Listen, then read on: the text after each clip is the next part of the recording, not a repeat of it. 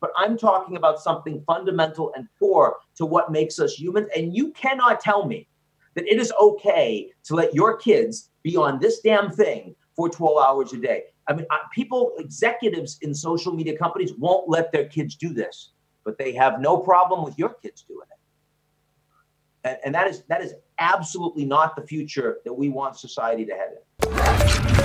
Inilah Endgame.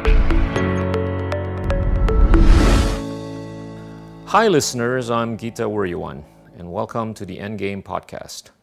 In today's episode, I'm talking to Ian Bremmer about his perspectives on the US China decoupling and the next evolution of democracy related to AI, genomics, and climate developments.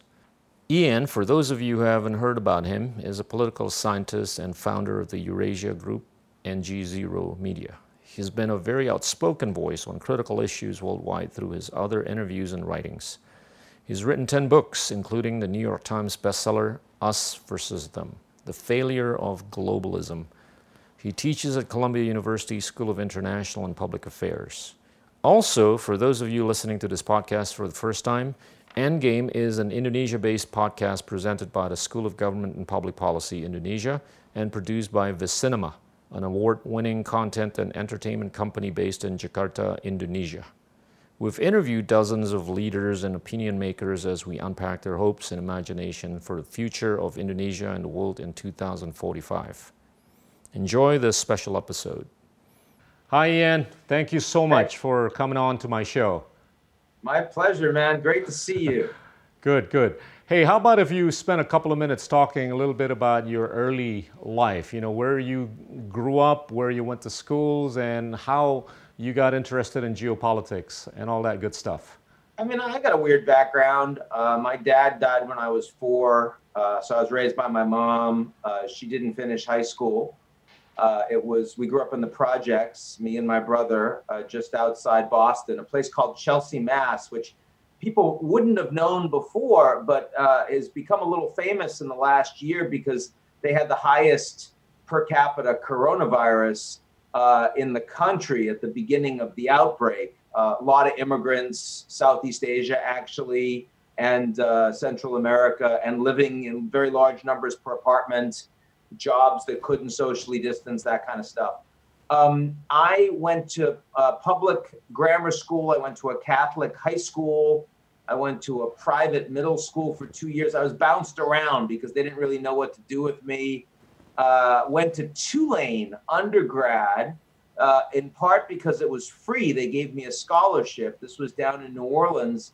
And also, I was really young. I, I was pushed ahead in um, in school. I skipped some grades, so I was 15 years old when I started college. Wow. Uh, and then I went directly from college to get a PhD because I loved political science and and had traveled a little bit. Uh, every I'd never been outside the country before college, and so when I went to college, there were opportunities to travel. I took them all, and in fact, my first ever trip outside the United States was to the former Soviet Union in 1986. So, which I mean, Gorbachev had just come into power a few months before, and you can imagine for this kid that had no exposure, uh, an, an American, suddenly to see what the inside of the evil empire was like, as Ronald Reagan used to call it, and realize that these young kids were a lot like me.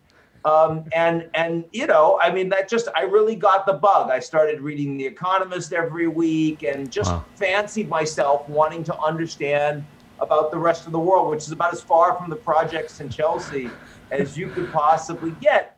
So then I, I uh, went to grad school because I was too young to know what I wanted to do for a real job.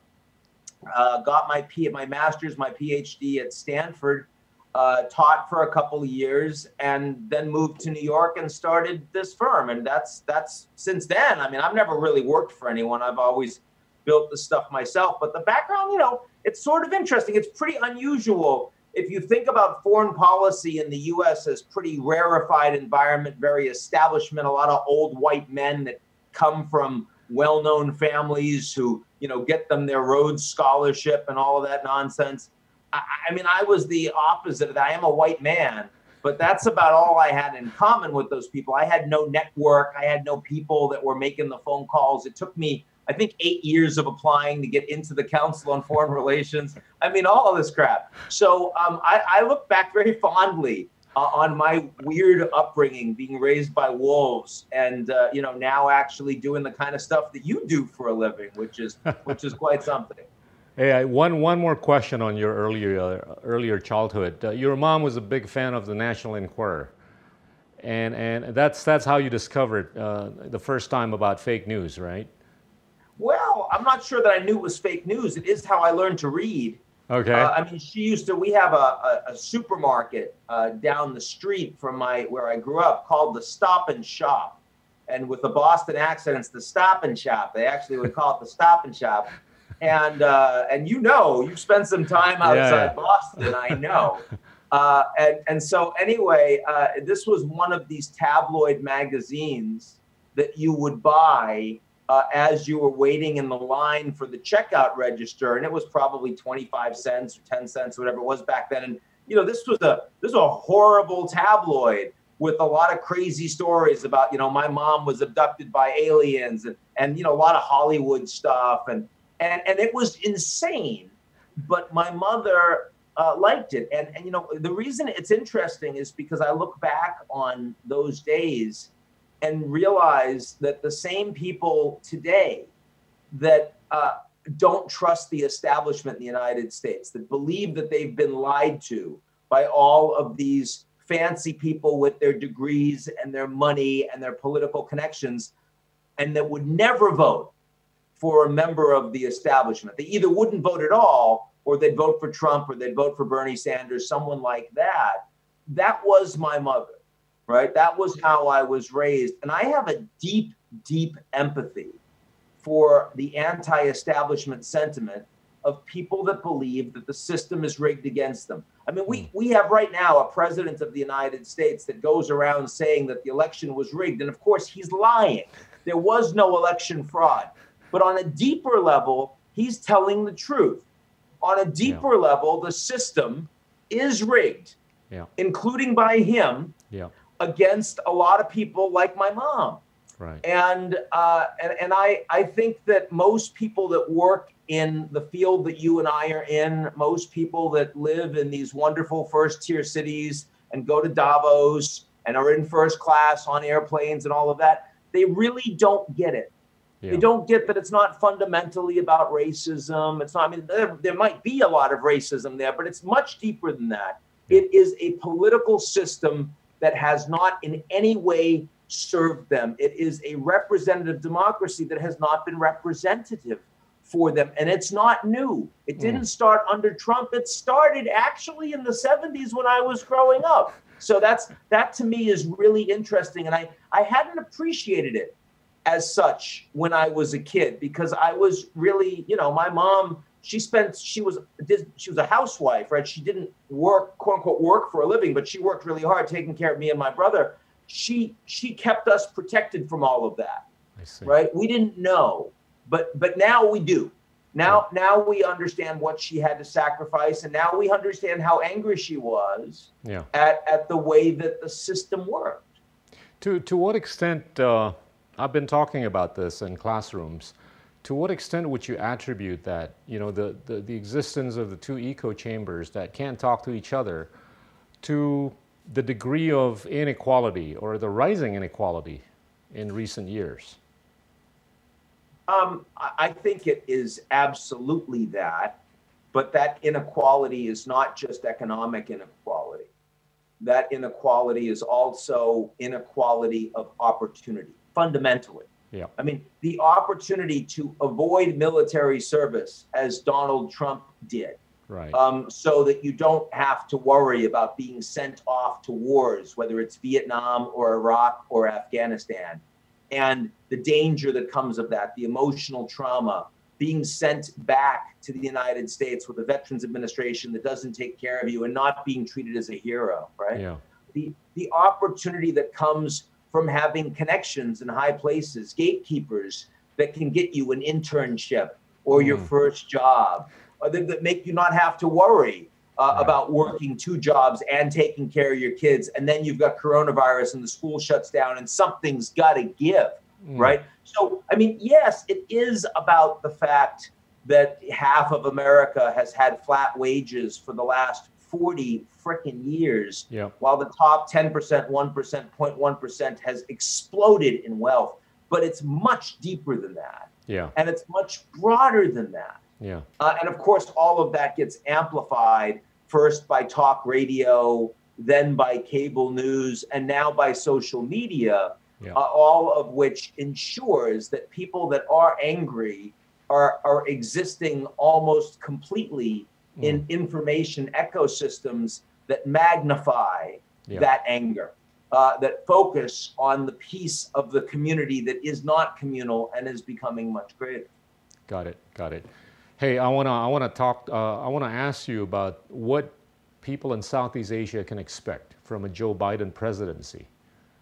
You wanna you wanna talk about the the the degree to which or the pace at which we can expect normalization geopolitically, or you think uh, that's a little too much to ask? Oh, that's that's far too much to ask. Um, and, and it's far too much to ask uh, because the reason that we don't have normalization is only in a very small degree about Trump. In fact, it's in a limited degree even about the United States. So, I mean, if we start, you know, with the aperture narrow and then widen it out, first you'd say it's about all of these divisions in the U.S. that make Americans say they don't want to be the leader of the world.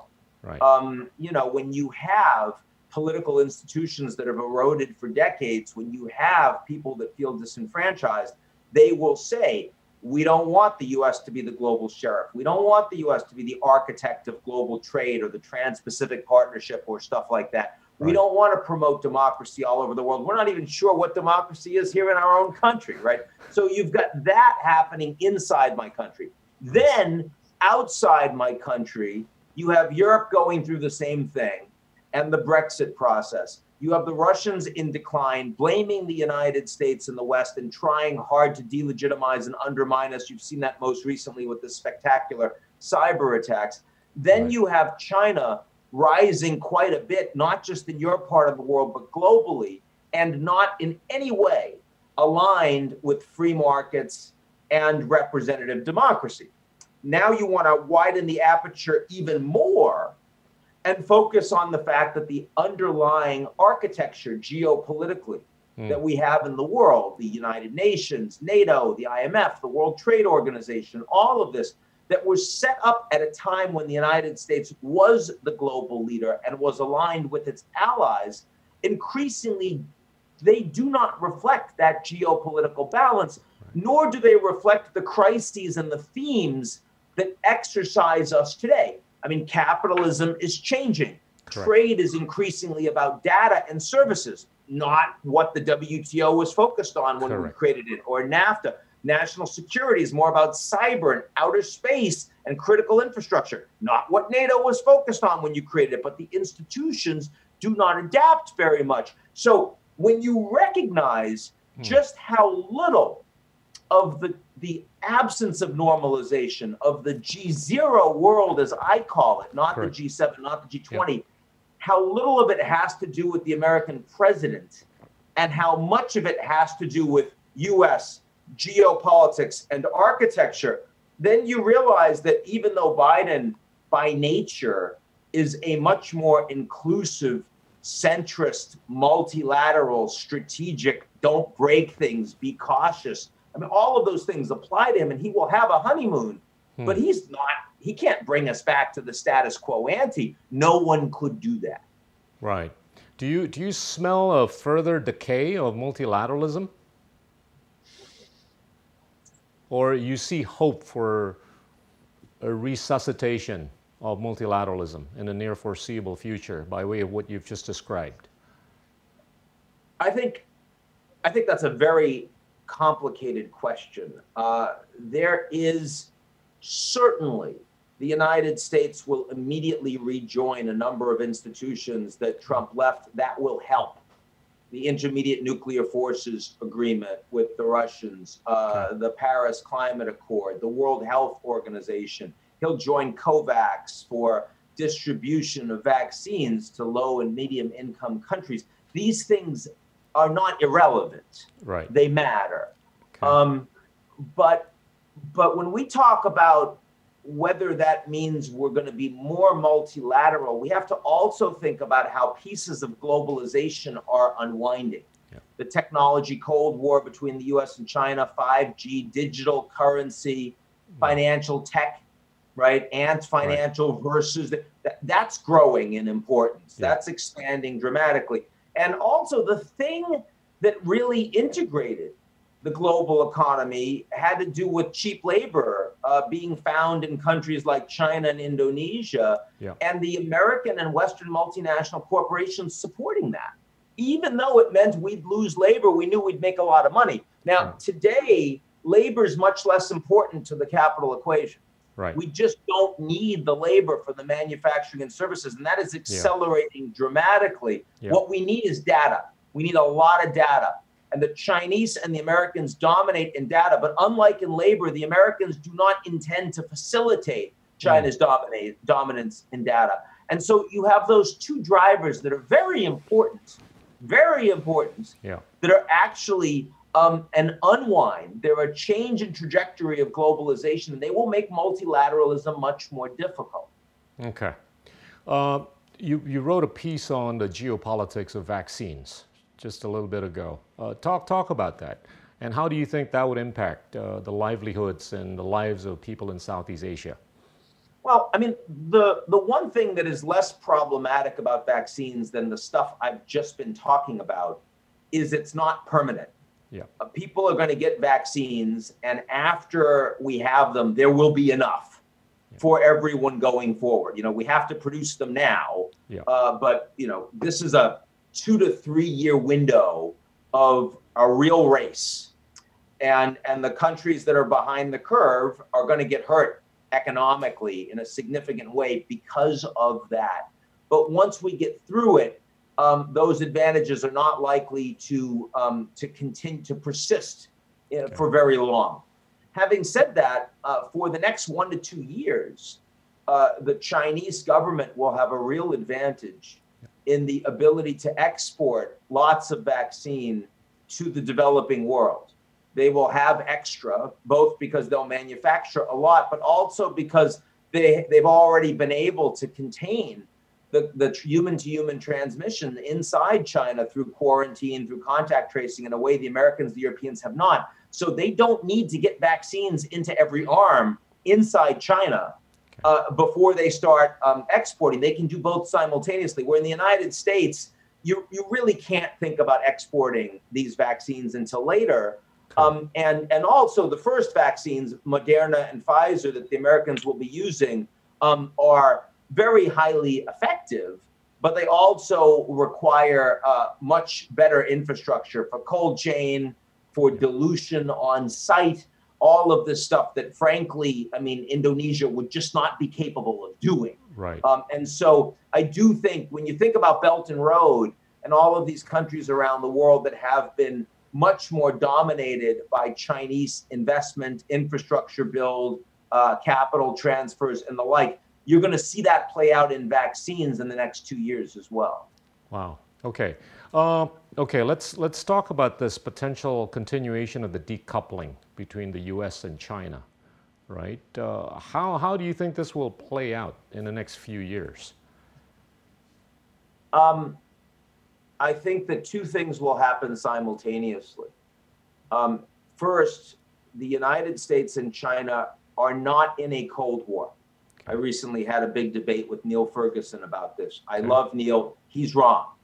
Okay. We are not in a Cold War. There's a massive amount of economic interdependence between the United States and China, and it will persist. I and the reason it will persist is because there are very deep entrenched interests in both countries that have a lot at stake to ensure it persists. In other words, the emergence of a Cold War between the US and China would be a strategic failure of the highest magnitude in both countries, and the foreign policy establishments know that. Yeah. So, in five years' time, you're still going to see Chinese students coming to US universities paying full tuition. Good. In five years' time, you're still going to go to a Walmart, you're going to buy goods, most of them made in China. Five years' time, you're still going to see tourists from China all over the place, right? So that, that stuff persists. Yeah. But then you have all of these areas of technology, mm. uh, which are becoming so much more important to the global economy, and where the, where the Americans and Chinese not only don't trust each other, but increasingly have no access to each other's markets and will fight to ensure that allies are aligned with us as opposed to them. And that is the fight with Huawei and ZTE. But you're not just talking about smartphones, you're talking about anything with a chip in it. You know, this is the Internet of Things. It's smart cars, it's autonomous uh, driving, it is smart cities and infrastructure. It might be smart smart grids for the post-carbon energy environment. I mean, it's not at all clear that climate change is uh, the US and China working together. In lots of ways, climate change is the US and China competing in new strategic industries to dominate the post carbon atoms of the future. Do you, do you see China or the US being more proactive in being the agent of development in the context of climate change? I mean, I've, I've seen proclamations in China, right, which are very, very aggressive in the context of how they're going to reach, you know, carbon neutrality and all that good stuff.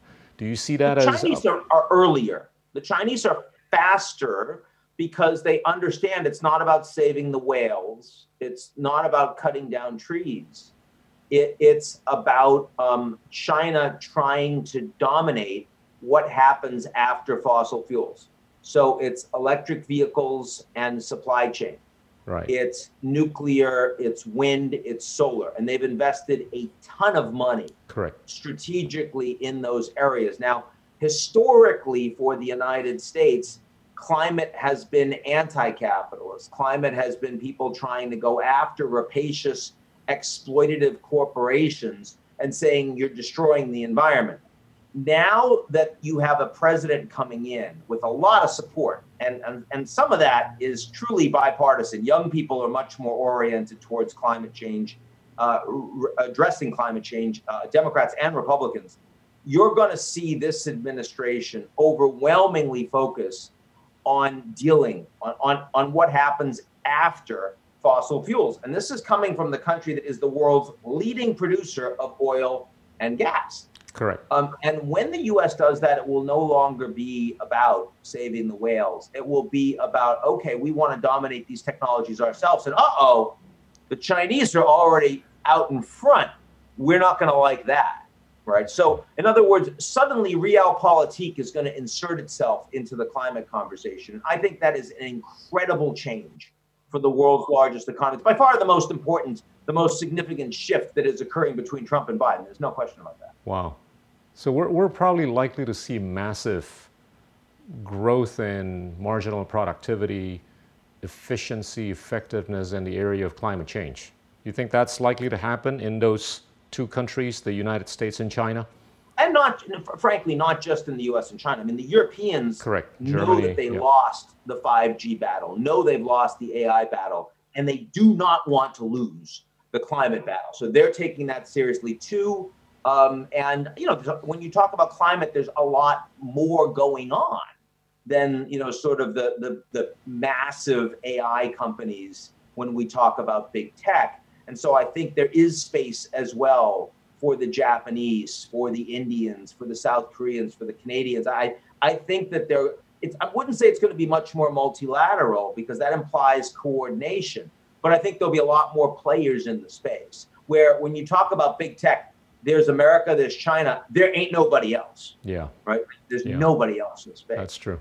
That's true. Well, I, I can see that as an episode where Southeast Asia is going to be a beneficiary, right, of whatever whatever good things that are going to be happening in the tech space, right, and also in climate change. Uh, I've, I've been a witness to this. There's not a whole lot of conversations in Southeast Asia that want to embrace climate change, but as soon as China gets going on this, we're just going to have to inevitably embrace it. And, and I think that's going to be good for humanity, right? Yeah, and the pandemic, I mean, think about how many more people in Southeast Asia have gotten online, how much more quickly in the digital economy because of the pandemic. I mean, there are clear opportunities that come from the most innovative sectors of society being turbocharged for two to three years. Right. Right. right. I mean, there's a lot of pain on people whose jobs are just getting destroyed. But if you ask, would you rather have this kind of a crisis or not, leaving aside the obvious healthcare damage that comes from it, this is a better kind of crisis in terms of what it does for the opportunities to take advantage of it than what you've had in 2008. Yeah. Hey, I was I was listening to what Kevin Rudd was saying at the Asia Society uh, talk just a few days ago with Hank Paulson. He was making reference to this, uh, you know, the Chinese saying about the dual circulation economy, right? On the basis of plan, yeah. correct. Yeah. On the basis of how they're going to basically further domesticate the economy, how they're going to basically still focus on getting foreign direct investments for purposes of getting goods and services produced uh, to, to basically fulfill the demands uh, internally or domestically. Don't you think that's going to be both good and bad for Southeast Asia? in the sense that you know the, the, the, hope for the, the relocation of the supply chain from China to Southeast Asia is probably short-lived. Uh, but at the same time, uh, it, it kind of incentivizes Southeast Asian nations to get their act together so that we can make sure we have our own goods and services to the extent that we can't get those from China. What's, what's your view on that? Yeah, look, I think you're exactly right. Um, and uh, there's no question that uh, much of what China is doing right now, both economically and from a national security perspective, should be an incentive for Southeast Asian countries to develop more capacity themselves. A hundred percent. But I also think, I mean, no matter what happens, China is the principal driver uh, of, of outcomes for Southeast Asia. We all know that. That's only going to get more important. Even Australia is learning that right now to their great dismay. Um, and the problem I have is that what got China here in the last 50 years will not get them there in the next 10. I, I mean, for the last 50 years, China has been driven by the largest amount of low cost and productive labor in the world, which is awesome. But when I look at the next 10 years, um, it's not that, it's having the largest data market in the world. And they have to reformulate, redirect their economy in that way. And they have to redirect it in a way that's actually much more confrontational. And that might succeed but it might not. In other words, I think the level of uncertainty around China's economic model in the next 10, 10 years is kind of unprecedented. Wow. Wow. Okay.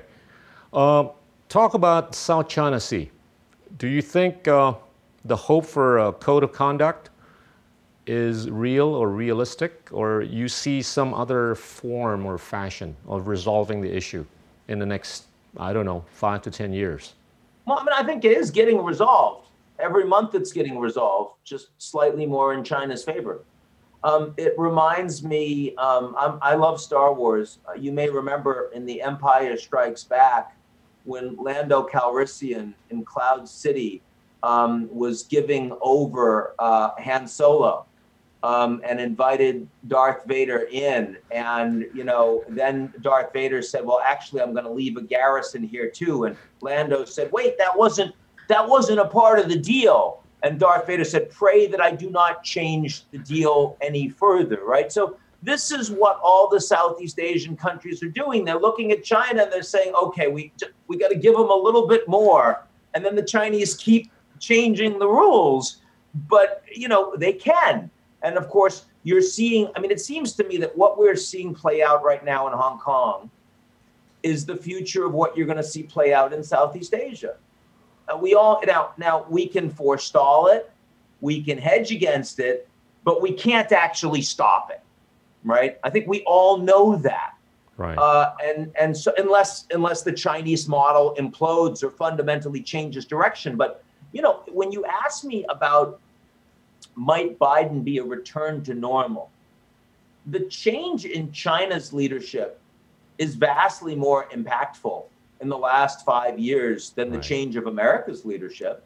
I mean, Xi Jinping, anti corruption, consolidation of power, Belt and Road, AIIB, dominating AI by 2035, China vaccines, uh, end of term limits, president for life. I mean, these are things that will determine the future of your country and your neighborhood in a way that Trump to Biden is marginal, marginal.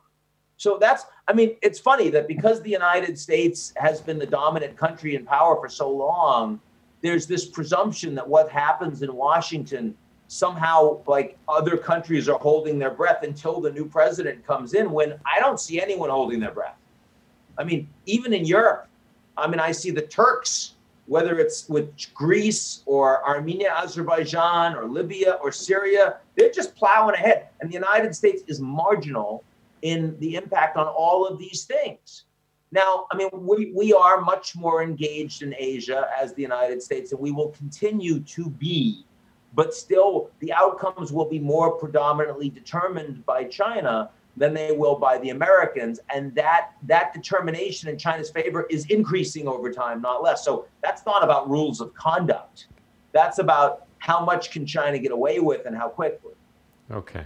That, I mean, that, anyone that, that looks at yeah. anyone that looks at the nine dash line, if you were an alien and you came down and you someone explained to you countries and territoriality and then showed you the nine dash line, you go, I don't understand what this is. Like how how would how who was who what drunk guy came up with that? And it, it turns out they weren't drunk. Yeah. They were just early. We they just we just, just got to deal with it. Look, yeah. I think China China has been influential to our life for the last few thousand years, so we're just going to have to deal with this. Yeah, in, in yeah, but but the size size matters, and China doesn't need to be bigger than the U.S. economy. It can be smaller because it is so much more aligned because the government has the leverage. And that I mean, I look at a country like Peru, which I know pretty well. I go there a lot, and Peru has about one third of their trade with China, one third with Europe, one third with the US. So you would think they'd be equivalently impacted by all three regions. Not at all. Because yeah. if they irritate the Americans, they still get US tourists, they still get US investment. You irritate the Chinese, they cut all of that off, right? so, you know, it's not just size that matters, but also alignment, consolidation matters. All right, I, I want to push on this. You know, we were we were talking with Kishore just a couple of weeks ago. He was making yeah, this he point. has a different view than I do on much of this stuff. Which is why I want to push the envelope a, a little bit. He was making the distinction between China being much more of a meritocracy as opposed to the United States being much more of a plutocracy, right? And and that kind of like relates to a little bit to what you were saying earlier, in that you know size doesn't matter, but the system matters, right? to some extent. Yeah. And, and how, how do you see this supposedly, you know, true theory of China being much more of a meritocracy and the United States being much more of a plutocracy affecting the shape of democracy going forward? Well, first of all, there is some truth in that, right? And, and again, I, I, love Kishore. He's an incredibly smart fellow. We've known each other for 20 years very yeah. well. Um, I mean, heck, I, I, think I've even blurbed his books, right? so, I mean, truly, so like there's I. a trans, there's a transactional relationship there, right? So we okay. love Kishore, and and it is true that if you look at the ranks of the Communist Party, to yeah. get into the upper ranks, you actually have to be truly accomplished. I mean, if you look at Trump's cabinet, that is clearly less true, right? I think we can say that, um, and it is also true that there is a middle class that is rising in China and has been for 40 years, while in the United States it's been hollowing out. That the China dream today is actually believed by more Chinese than the American dream is by Americans. And it's very painful for me to say that. It's very painful for me to admit that because it, it means that things in my system are not working well. But, but Kishore, for partially for diplomatic reasons and partially because he's decided he's on this side, is not willing to really criticize the Chinese government. Hmm. And I, I, don't, I think that's a problem. I mean, I criticize the American government when appropriate. I criticize the Chinese government when appropriate. I think it's really important to have intellectual honesty around all of this when you're having a conversation like this. Okay. And China is enormously problematic and anti meritocratic with large swaths of its own country and with large swaths of the world.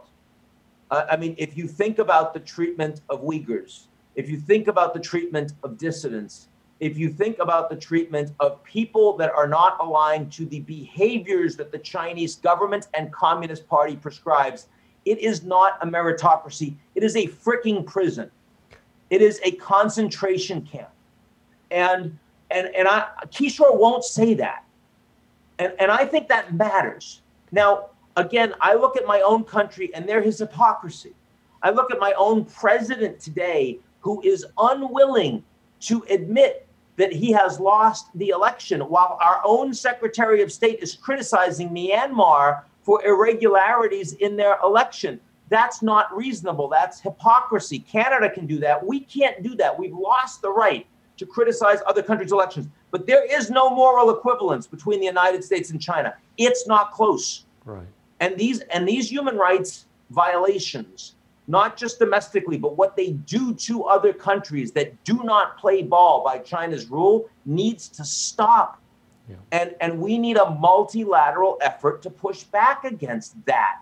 And and I think that especially because Kishore is one of the most important geopolitical voices in all of Asia, I think it is doing damage for him not to say that.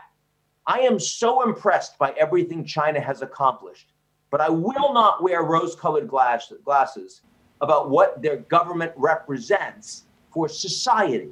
And you can't just say it's meritocratic and stop there. That is wrong. Mm. Okay. Okay, let me let me let me push this a little bit. Do you do see... you accept that, Gita, my friend? do you accept that? I accept both your views. But, but, but I, I do believe that there needs to be changes on both sides, right?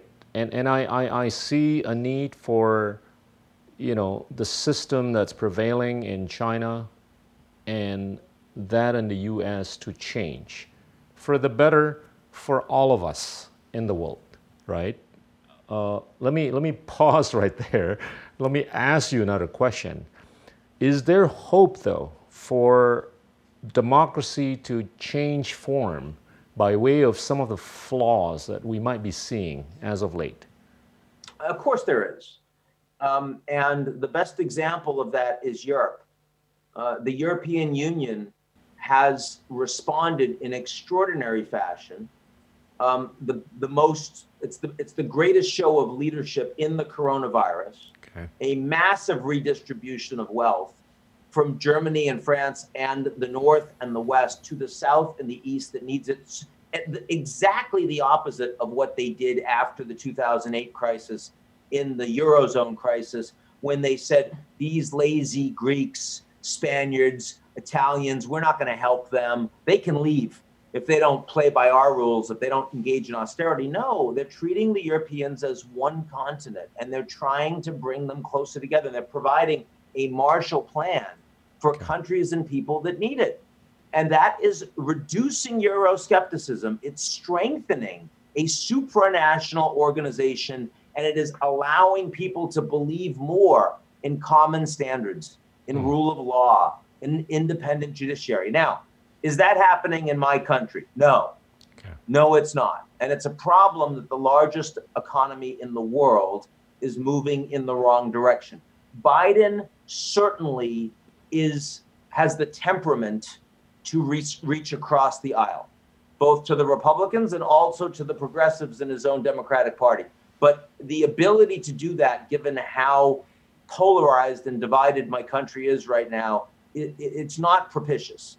The the the efforts that are being made in the United States right now to try to fix democracy are largely being done at the local level by mayors, by governors, by some CEOs, by Bill Gates, by Mike Bloomberg.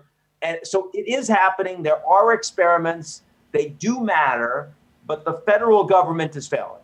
And as a consequence, inequality in the United States is growing. And today, you and I can honestly say that the United States is the most unequal and politically divided of all of the advanced industrial democracies. And that is a very serious problem because we're also by far the most powerful country in the world.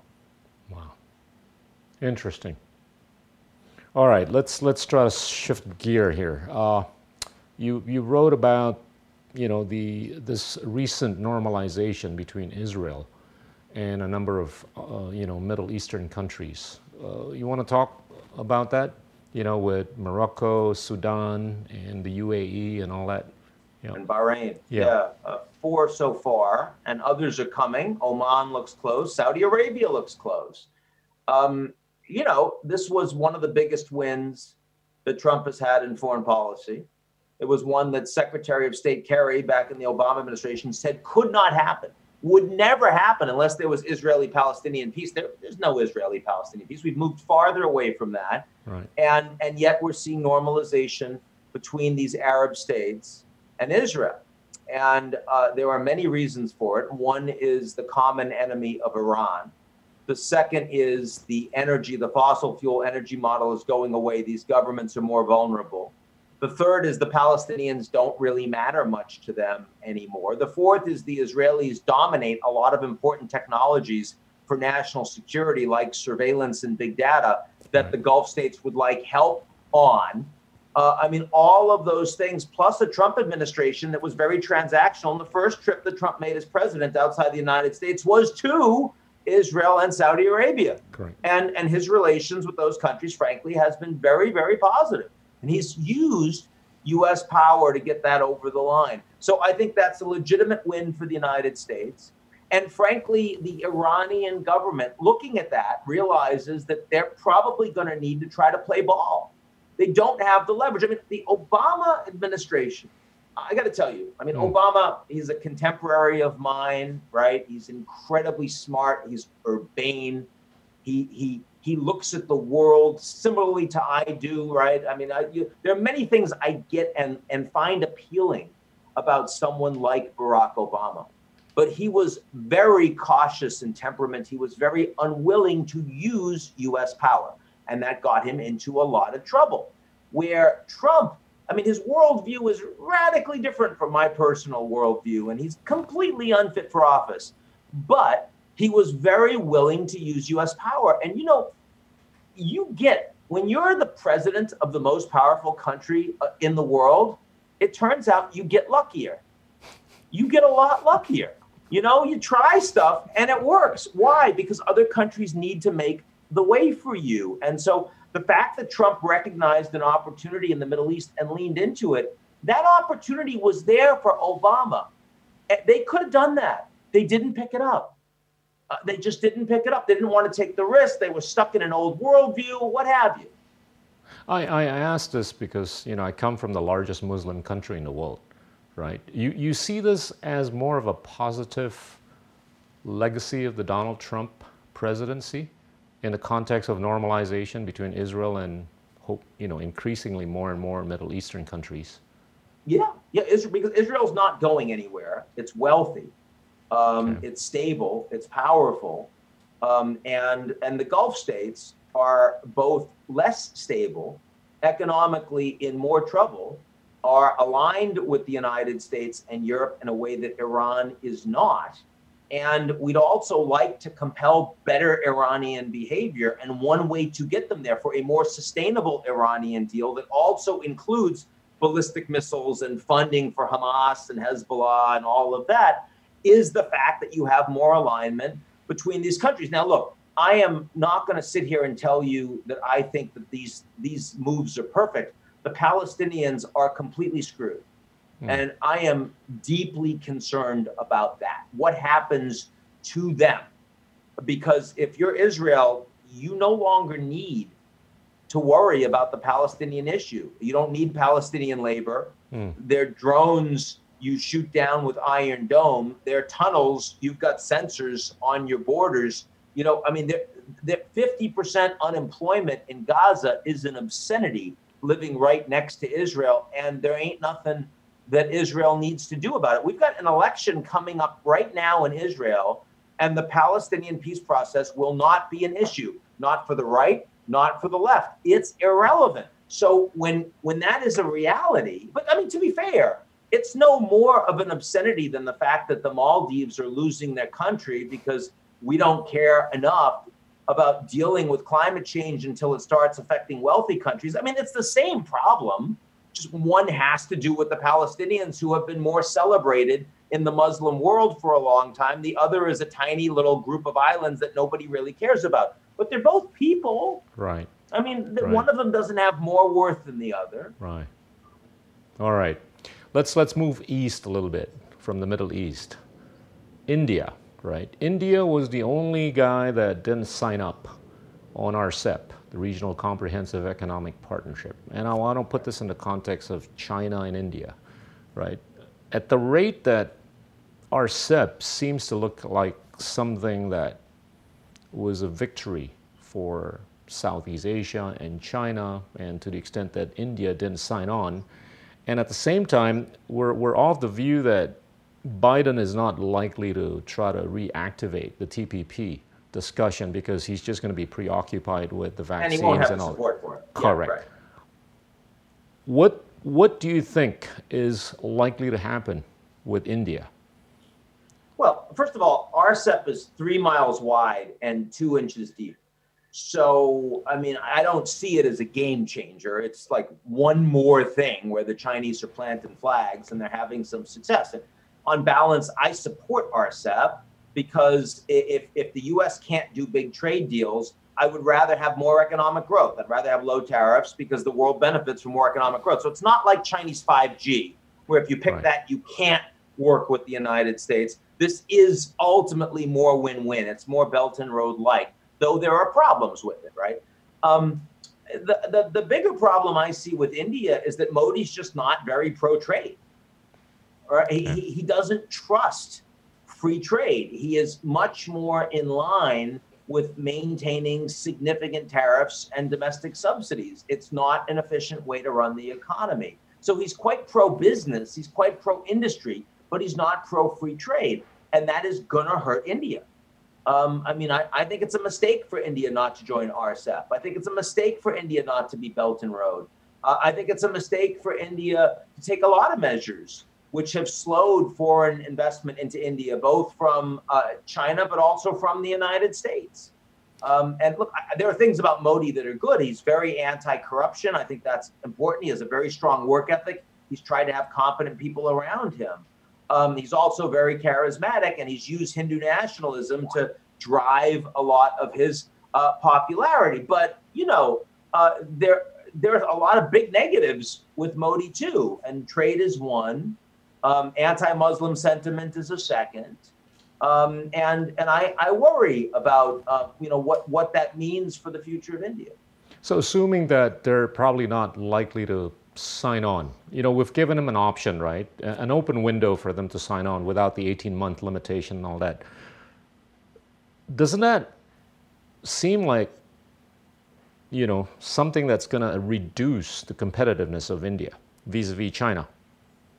Or they're just not likely to be as competitive or more competitive? I mean, I don't, I don't see China and India as remotely in the same league. I mean, the, no no one talk. When's the last time you heard someone talk about the BRICS? right. I mean, because it's not. We used to talk about the BRICS. Yeah, yeah. And you used there used to be like you know all these books written on India and China, rising dragons. Economists did covers. No. Now, by, now by the way, I was against that notion because Indonesia was not included in it. You know, I, right, had, a, I had a couple of debates of with Jim O'Neill. Wrong eye. You know, come on. You need two eyes in there. Right. Um, but but uh, you know now it's China is going to be the world's largest economy, and India is still India. I mean, the, the Chinese invest ten times as much in domestic infrastructure as the Indians. Every year, India gets farther behind. They're not catching up. They're not. I mean, look at artificial intelligence. Look at again the future of the global economy. Look at the future of, of energy after fossil fuels. India is nowhere in these conversations. So, I mean, look, 1.4 billion people and a lot of human capital, that's awesome. If you're a global corporation, you should be doing more in India. Of course you should. I like going there, all of the rest. But let's not pretend that they're competing with China in any meaningful way. They're not. Okay. All right, let me let me spend the last few minutes on on fossil fuel and AI and genome sequencing. Right, uh, from from what you've said, uh, it sounds like climate change is, is really going to happen in a good way in the next few years or decades, right? And that means the decline of fossil fuel, right? How would that imply in terms of the relevance of the Middle East to the rest of the world in the next I few would say- decades? I would, I would say less. Okay. Okay. Okay. Can we- Okay. Can just- we, can we get an amen? Amen. There you go. I And, would say less. and and you know, I'm, I'm I'm I've been reading and I've been watching these things on AI and genome sequencing that are just so able and capable of hacking humanity for the better, supposedly, right? How how would that impact the geopolitics of the world in the next few years or decades? I, I am deeply concerned. Uh, first, because of the fight between the U.S. and China. Because if if I have an information, we already know how divided the U.S. is because one group watches Fox, one group watches CNN. Now imagine that your entire information ecosystem, all of your algorithms that filter your behavior and what you see, is either aligned with an American set of companies or a Chinese set of companies. We are going to divide the world into two people. We're going to engage in behavioral modification that is going to dehumanize the other side. I mean, that's how you end up hating people. Uh, we all know when we get behind the wheel of a car, we treat pedestrians like idiots. If you're walking, you treat other pedestrians like members of a community. That becomes exponentially greater when you're completely in your data ecosystem. And these algorithms, which are largely written by, programmed by, coded by young men, right? I mean, we're rolling them out into humanity. There's no phase three vaccine test for a social media algorithm. We just give it to people, including young children, and we say, here, put it in your brain for eight hours a day or 12 or 16, and let's see what happens to you. That's not okay. There, there is no ethics of artificial intelligence that's governing the way these the, the way that people are becoming productized. And, and I think that geopolitically, that is dangerous. And I think in terms of the future of humanity, it is not progress. Um, there are many other things that are progress distance learning and distance medicine and AI efficiencies for agriculture, and be the ability to make climate change, um, you know, sort of to, to combat it more effectively. Those are wonderful advances. But the, uh, the effect on our brain, the, the engineering of our brain without having any idea what we're doing, the deep learning into pattern recognition and efficiency and not understanding even what's driving the algorithm. We now have algorithms that can identify whether or not someone is a homosexual Right. with incredibly cer- with incredible certainty on the basis of facial recognition. We don't actually know Yeah. what it is that does that. And by the way, a lot of those people may not be out. They may not even be completely out to themselves. What what is that going to do to society? Like I would I, I think we need more ethicists. We need more anthropologists. We need more people from the social sciences that are getting involved early on, as opposed to just the the private equity people and the technology people and the business people in an unholy trinity that are trying to figure out how to mass market and squeeze and maximize efficiency and productivity because that makes a lot of money, but it destroys civil society. Wow. Well, I was I was kind of hopeful that it's going to do more good for humanity than bad, because you know, coming from a developing country, you know, there's a need, right, to get smarter. There's a need to get more marginally productive, more marginally And, efficient. and it will that. do those things. Yeah. It will do those things. The, pro- the Yeah. productivity is incredible. The lifespan expectancy will increase. Will the diseases you've got mRNA vaccine right now for coronavirus? Within a few years, you're going to have mRNA vaccines for all sorts of diseases. These are amazing things. But I'm talking about something fundamental and core to what makes us humans. And you cannot tell me that it is okay to let your kids be on this damn thing for 12 hours a day. I mean, people, executives in social media companies won't let their kids do this, but they have no problem with your kids doing it. Sure.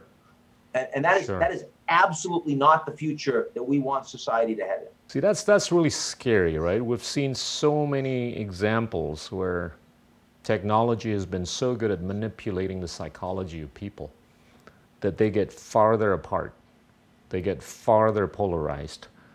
And, and you've, you've alluded to this a few times uh, to the extent that multilateral institutions are becoming so much less effective in basically codifying behavior or making sure that you know we're well behaved. And you've alluded to the fact that you know even the G20s, the G7s, the G8s of the world are not as effective as they used to be in coordinating policy postures and all that. so isn't it kind of scary if if you put all these you know chaotic possibilities of AI and genome sequencing without being regulated to the extent they should be? or without being coordinated the way they should be? I mean, uh, scary, that question has more to do with your personal temperament than it does with the answer to the question.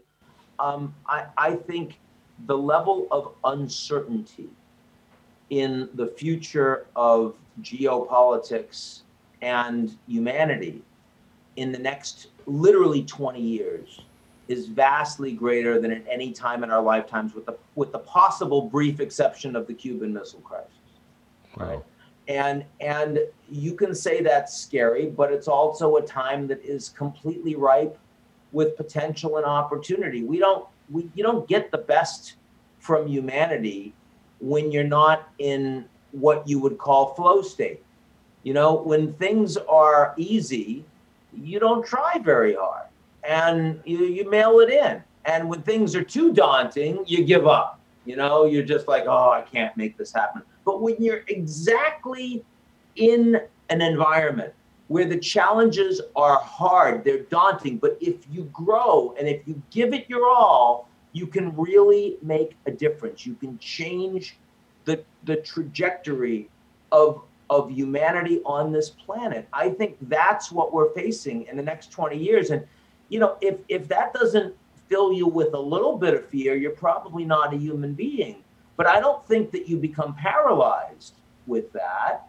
I think you become empowered by that. I mean, I know that I am operating on a higher level, more energized, more engaged now than I was 15 years ago for precisely that reason. And most of the people that I really respect out there right? You, right. Kevin Rudd, Kishore, I mean, friends that we've been talking about today, and so many more, I think are all feeling the same way. No one, you can't mail it in in this environment. And, you know, if you look at what humanity has managed to accomplish in response to coronavirus, where, I mean, I know some of the world's best epidemiologists, and I've been talking to them for last year, none of them believed, none of them thought we would be at the end of this year with six working vaccines going off all around the world at the level of efficacy that they have.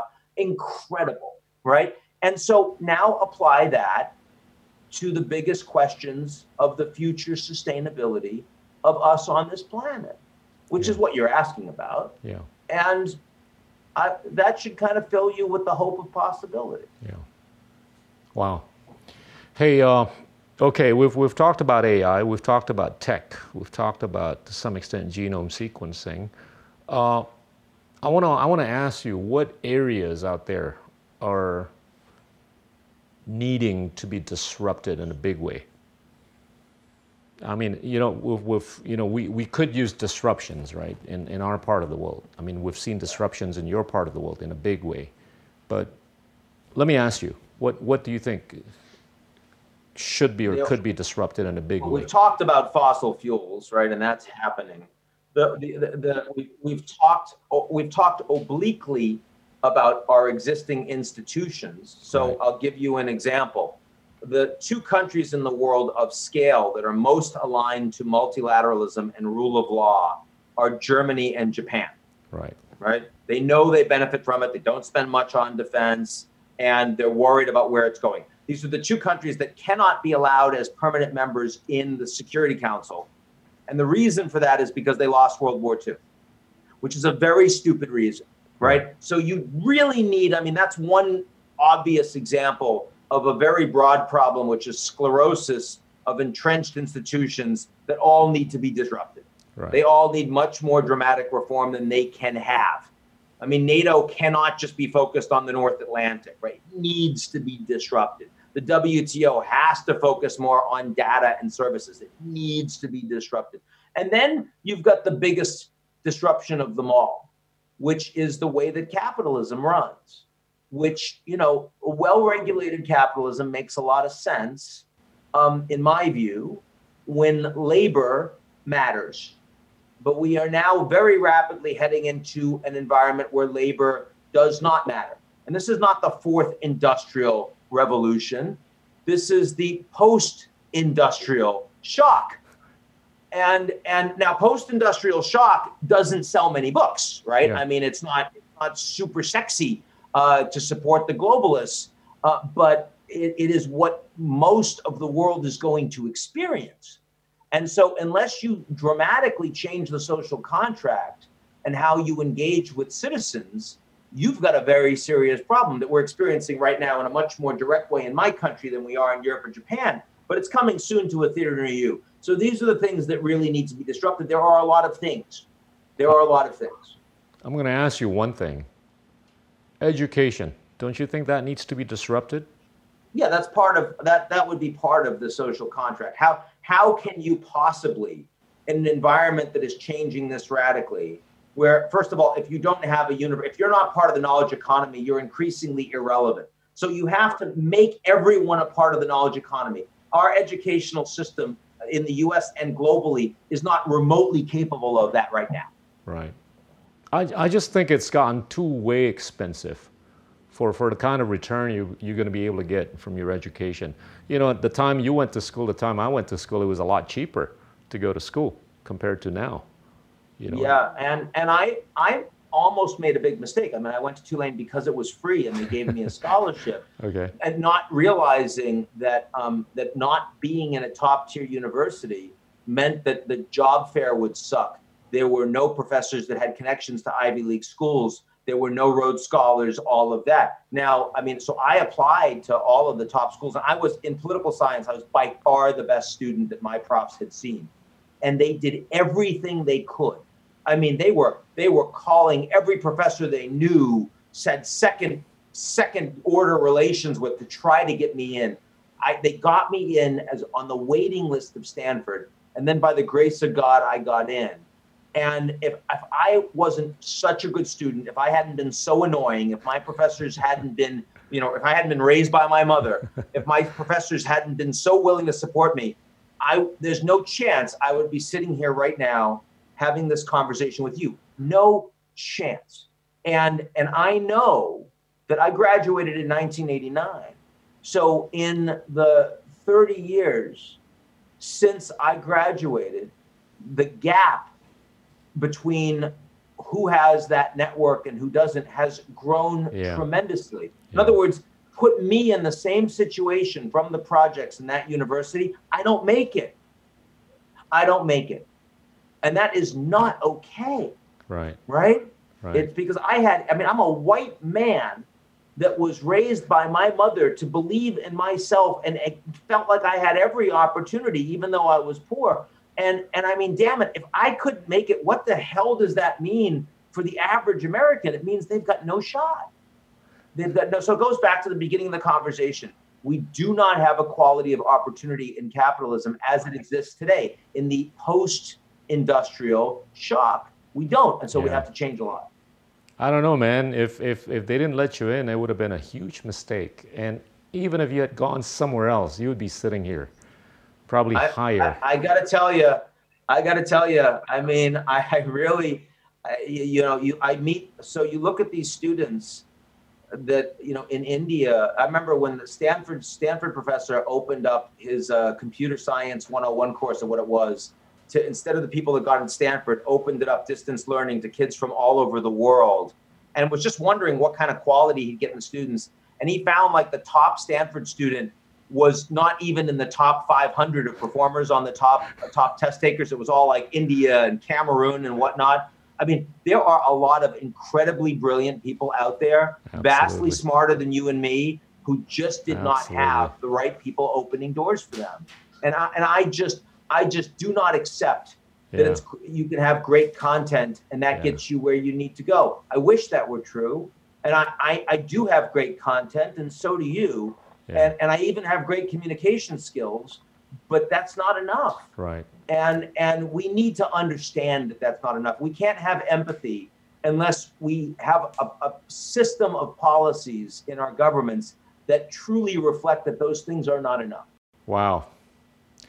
Hey, it's been fascinating, man. I know you got to go, but uh, great to see you yeah. truly thriving and doing something important I, I i'm looking forward to this I, I, I, I thank you, and I look forward to playing ping pong with you again We when, can do when, that. when this thing blows better? over.